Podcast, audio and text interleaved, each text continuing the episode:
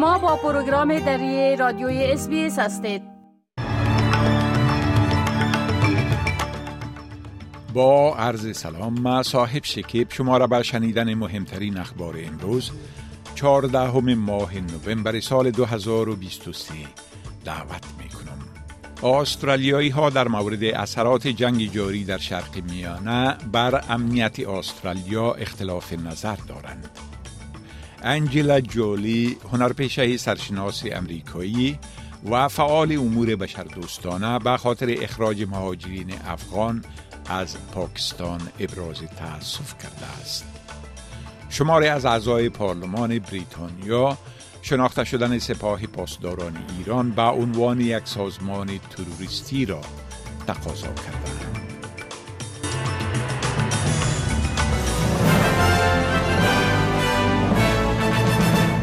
تفصیل اخبار. با ادامه تظاهرات و درگیری ها بین معترضان در شهرهای عمده استرالیا به نظر می رسد در مورد این که آیا جنگ در شرق میانه استرالیا را به مکان کمتر امن تبدیل کرده است یا نه اختلاف نظر وجود دارد.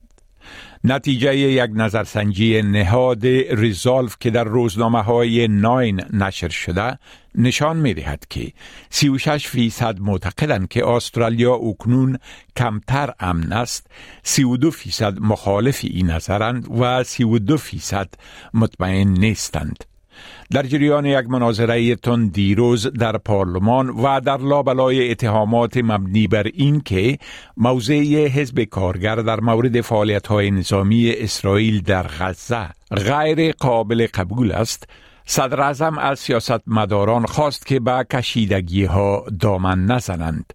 بل شورتن وزیر طرح بیمه ملی معلولین در مصاحبه با چینل نو گفت که موضع حکومت کارگر در ارتباط با درخواست وقفه های بشردوستانه در جنگ غزه به جای آتش بس کامل ثابت و بدون تغییر بوده است. The Prime Minister stood up and I thought very uh, comprehensively uh, backed in what the Foreign Minister said.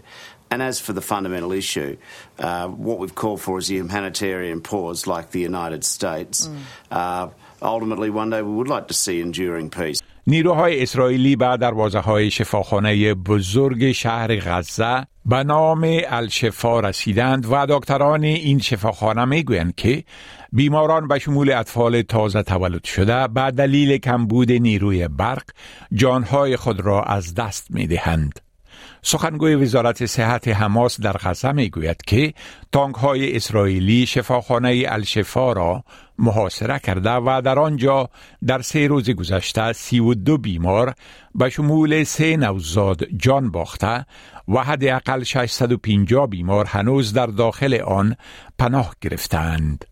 این بیانیه پس از آن نشر شد که اردوی اسرائیل اعلام کرد که حماس پیشنهاد تخلیه نوزادان و قرار دادن 300 لیتر مواد سوخت در مدخل شفاخانه محاصره شده الشفا را نپذیرفتند. اما حماس این ادعا را رد کرده است. تمارا الریفیای سخنگوی اداره ملل متحد برای امداد و کارها در فلسطین می‌گوید که بسته شدن احتمالی این شفاخانه یک تحول بسیار چشمگیر است. Shifa is an iconic hospital in Gaza. It is always the hospital that continues to function across the wars.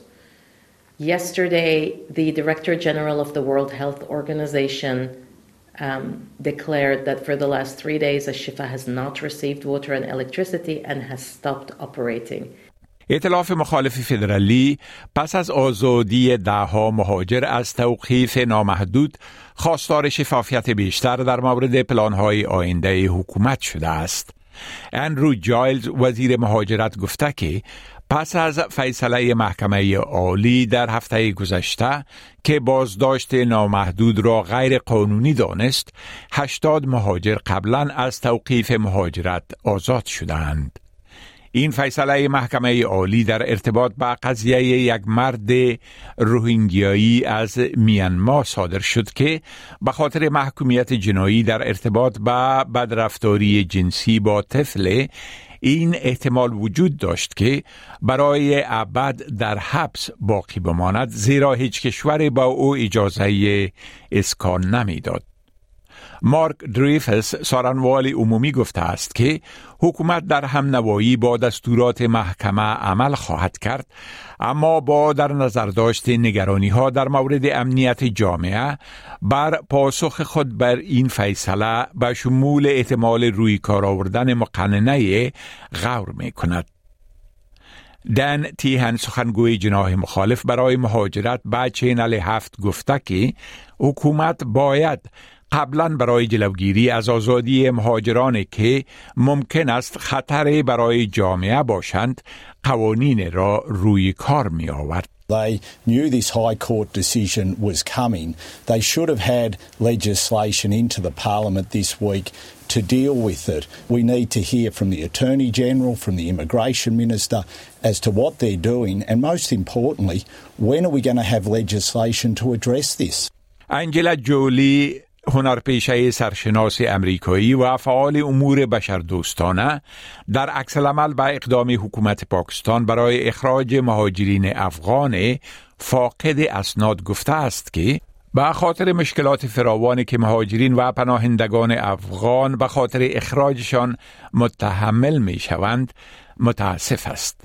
خانم جولی که در گذشته به حیث سفیر پناهجویان ملل متحد از کمپ های پناهندگان افغانستان در پاکستان دیدن کرده این تصمیم پاکستان را تراژدی جدید در تاریخ طولانی رنج مردم افغانستان دانسته است او گفته که اخراج اجباری پناهجویان و مهاجرین افغانستان از پاکستان یک عقب گرد معیوس کننده در زمینه حقوق بشر در سطح جهانی است این در حال است که مقامات پاکستان گفتند که سه بندر جدید را به خاطر تسریع عملیه برگرداندن مهاجرین افغان بدون اسناد بین دو کشور گشودند.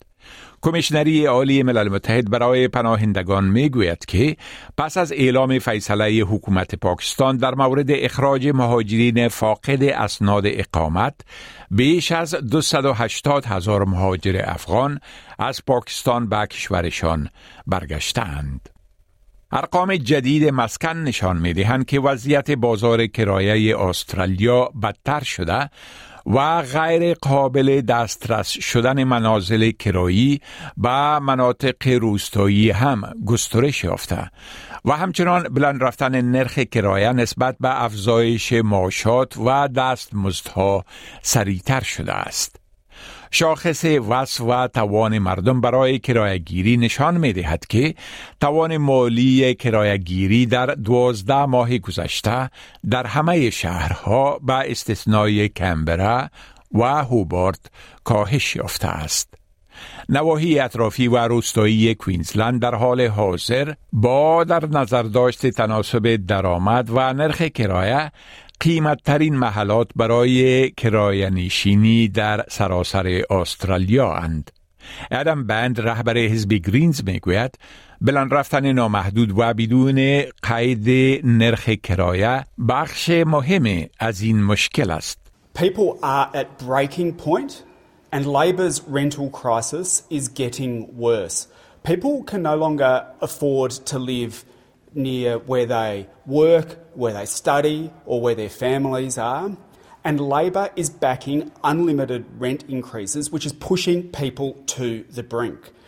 تحقیقات جدید نشان داده که جوانان استرالیایی خواهان شامل کردن حق داشتن یک محیط سالم در قانون اساسی هستند تا استرالیا بتواند با میارهای تعیین شده در این رابطه در کشورهای دیگر جهان همگام شود. این مطالعه بنیاد حفاظت از محیط زیست استرالیا نشان می دهد که از هر ده استرالیایی دارای سنین 13 تا 24 سال نو نفرشان می خواهند که استرالیا از بیش از 160 کشور در جهان که این حق را قانونی ساختند پیروی کند. سناتور مستقل دیوید پوکاک لایحه را در برابر پارلمان فدرالی قرار داده که مقامات را مکلف می سازد تا هنگام تصمیم گیری های مهم صحت اطفال را در نظر بگیرند و این موضوع را در سیاست زغال سنگ و گازشان شامل بسازند. این سناتور می گوید که قانونی ساختن مراقبت از صحت اطفال در تصامیم مربوط محیط زیست به حیث یک مکلفیت امر اجتناب ناپذیر است. شماره از اعضای پارلمان بریتانیا شناسایی سپاه پاسداران ایران به حیث یک سازمان تروریستی را تقاضا کرده و گفتند که این اقدام منجر به سوق شرق میانه به سمت ثبات خواهد شد. اگر این تقاضا پذیرفته شود عضویت در سپاه پاسداران شرکت در جلساتش یا حمل علامات و نشانهایش در معذر عام در بریتانیا جرم دانسته خواهد شد. صدای امریکا در گزارش گفته که بیش از 60 عضو مجلس نمایندگان و سنای بریتانیا در نامه به ریشی سوناک صدر آن کشور گفتند که با در نظر داشت منازعات جاری در شرق میانه اکنون بیش از هر زمانی دیگر تروریست شناختن سپاه پاسداران انقلاب اسلامی ایران یک امر ضروری است. اعضای ارشد حزب محافظه کار می‌گویند که چون این اقدام به مسابه یک گام مهم به سوی صلح، ثبات و عدالت در شرق میانه و فراتر از آن ناحیه خواهد بود. گفته می شود که قبل از این هم حکومت بریتانیا بر تروریست شناختن سپاه پاسداران انقلاب اسلامی ایران با جدیت غور کرده است.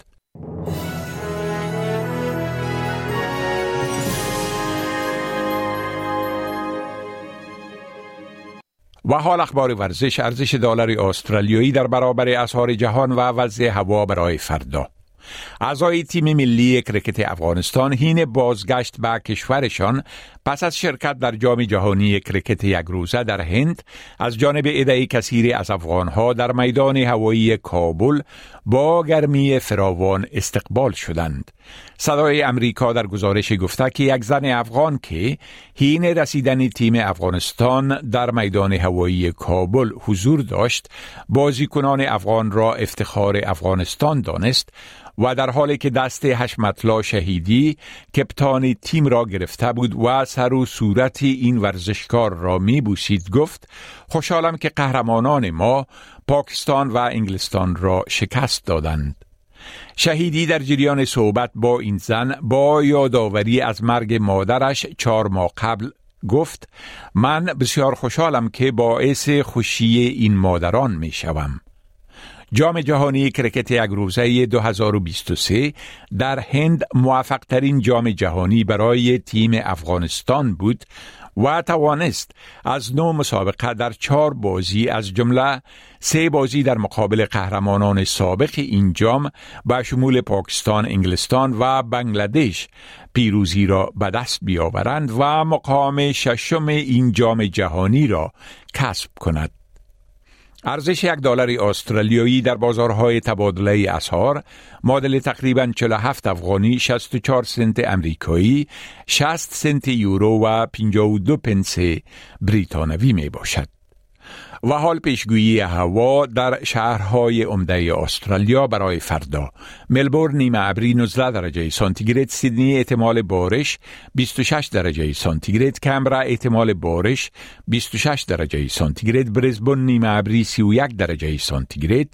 ادلید نیمه ابری 23 درجه سانتیگراد پرت نیمه ابری 29 درجه سانتیگراد هوبارت نیمه ابری 19 درجه سانتیگراد و داروین بارش و احتمال طوفان 33 درجه سانتیگراد این بود تازه ترین اخبار از program دری رادیوی SBS